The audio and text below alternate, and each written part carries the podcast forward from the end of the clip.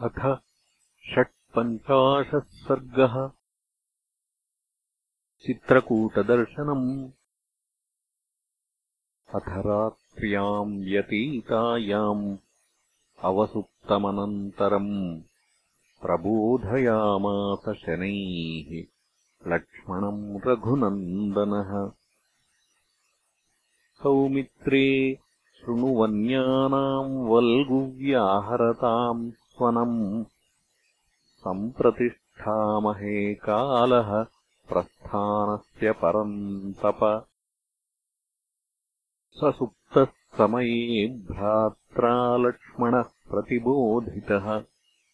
जहौ निद्राम् च तन्द्रीम् च प्रसक्तम् च पथि श्रमम् तत उत्थायते सर्वे पृष्ट्वा नद्याः शिवञ्जलम्। पन्थानम् ऋषिणादिष्टम् चित्रकूटस्य तम् ययुः। ततः सम्प्रस्थितः काले रामः सौमित्रिणा सह। सीताम् कमलपत्राक्षीम् इदम् वचनमब्रवीत् आदीप्तानि वैदेहि सर्वतः पुष्पितान्नगान् स्वैः पुष्पैः शुकान् पश्य मालिनः शिशिरात्यये आदीप्तानि वैदेहि सर्वतः पुष्पितान्नगान् स्वैः पुष्पैः हिंसुकान् पश्य मालिनः शिशिरात्यये पश्य भल्लातकान् फुल्लान् नरैरनुपसेवितान् फलपत्रैरवनतान् नूनम् शक्ष्यामि जीवितुम्। पश्य द्रोणप्रमाणानि लम्बमानानि लक्ष्मण मधूनि मधुकारीभिः सम्भृतानि नगे नगे। एष क्रोशति नत्यूहः तम् शिखी प्रतिकूजति। रमणीये वनोद्देशे पुष्पसंस्तरसङ्कटे मातङ्गयूथानुसृतम् पक्षिसङ्घानुनादितम् चित्रकूटमिमम् पश्य प्रवृद्धशिखरम् गिरिम् समभूमितले रम्ये द्रुमैर्बहुभिरावृते पुण्ये रंस्यामहे तात चित्रकूटस्य कानने। ततस्तौ पादचारेण गच्छन्तौ सह सीतया रम्यमासेदतुश्चैलम् चित्रकूटम् मनोरमम्। तम् तु पर्वतमासाद्य नानापक्षिगणायुतम् बहुमूलफलम् रम्यम् सम्पन्नसरसोदकम्।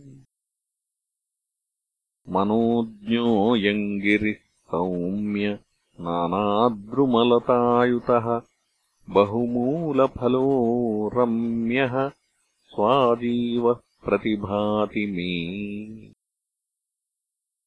मुनयश्च महात्मानो वसन्त्यस्मिन् शिलोच्चये। अयम् वासो भवेत्तावत् अत्र सौम्य रमेमहि इति सीता च रामश्च लक्ष् लक्ष्मणश्च कृताञ्जलिः अभिगम्याश्रमम् सर्वे वाल्मीकिम् अभिवादयन्।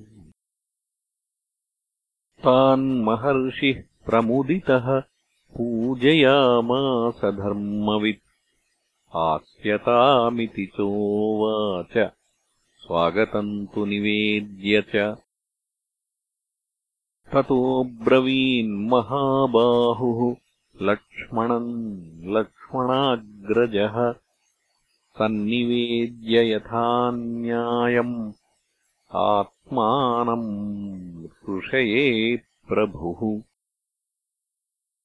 लक्ष्मणानयदारूणि दृढानि च वराणि च। कुरुष्वावसथम् सौम्य मेभिरतम् मनः। तस्य तद्वचनम् श्रुत्वा सौमित्रिः विविधान् द्रुमान् आजहारततश्चक्रे पर्णशालामरिन्दमः।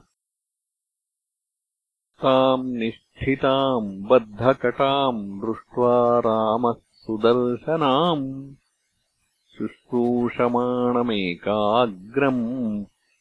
इदम् वचनमब्रवीत्। ऐणेयम् माम् समाहृत्य शालाम् यक्ष्यामहे वयम्। कर्तव्यम् वास्तु शमनम्। सौमित्रे चिरजीविभिः। मृगम् हृत्वा नयक्षिप्रम् लक्ष्मणेह शुभेक्षण कर्तव्यः शास्त्रदृष्टो हि विधिर्धर्ममनुस्मर। लक्ष्मणः परवीरः। चकारस यथोक्तम् च तम् रामः पुनरब्रवीत् ऐणेयम् श्रपयस्वैतत् शालाम् यक्ष्यामहे वयम्। परसौम्यमुहूर्तोऽयम्। ध्रुवश्च दिवसोऽप्ययम्। स लक्ष्मणः कृष्णमृगम् हत्वा मेध्यम् प्रतापवान्। अथ चिक्षेपसौमित्रिः समिद्धे जातवेदसि तन्तुपक्वम् समाज्ञाय निष्टप्तम् छिन्नशोणितम्। लक्ष्मणः पुरुषव्याघ्रम् अथ राघवमब्रवीत्। अयम् सर्वः समस्ताङ्गः श्रुतः कृष्णमृगो मया। देवताम् देवसङ्काश। यजस्वकुशलो यसि रामः स्नात्वा तु नियतो गुणवान् जप्यकोविदः सङ्ग्रहेणाकरोत् सर्वान् मन्त्रान् सत्रावसानिकान्। इष्ट्वा देवगणान् सर्वान् विवेशावसथम् शुचिः। बभूव च मनोह्लादो रामस्यामिततेजसः वैश्वदेवबलिम् कृत्वा रौद्रम् वैष्णवमेव च। वास्तु संशमनीयानि मङ्गलानि प्रवर्तयन्। जपम् च न्यायतः कृत्वा स्नात्वा नद्याम् यथाविधि। पापसंशमनम् रामः चकारबलिमुत्तमम् वेदिस्थलविधानानि चैत्यान्यायतनानि च आश्रमस्यानुरूपाणि स्थापयामास राघवः।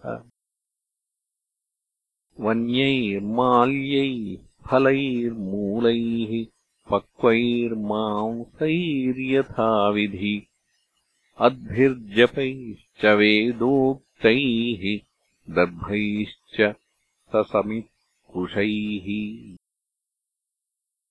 तौ तर्पयित्वा भूतानि राघवौ सह सीतया तदा विविशतुः शालाम् सुशुभाम् शुभलक्षणौ।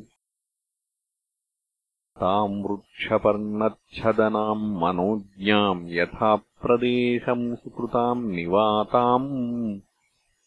वासाय सर्वे विविशुः समेताः सभाम् यथा देवगणाः सुधर्माम्। अनेकनानामृगपक्षिसङ्कुले विचित्रपुष्पस्तबकैः द्रुमैर्युते वनोत्तमे व्याळमृगानुनादिते तदा विजह्रुः सुसुखम् जितेन्द्रियाः सुरम्यमासाद्यतु चित्रकूटम्। नदीम् च ताम् माल्यवतीम् सुतीर्थाम्। ननन्दहृष्टो मृगपक्षिदुष्टाम्। जहौ च दुःखम् पुरविप्रवासात्। इत्यार्षे श्रीमद् रामायणे वाल्मीकीये आदिकाव्ये अयोध्याकाण्डे षट्पञ्चाशत् सर्गः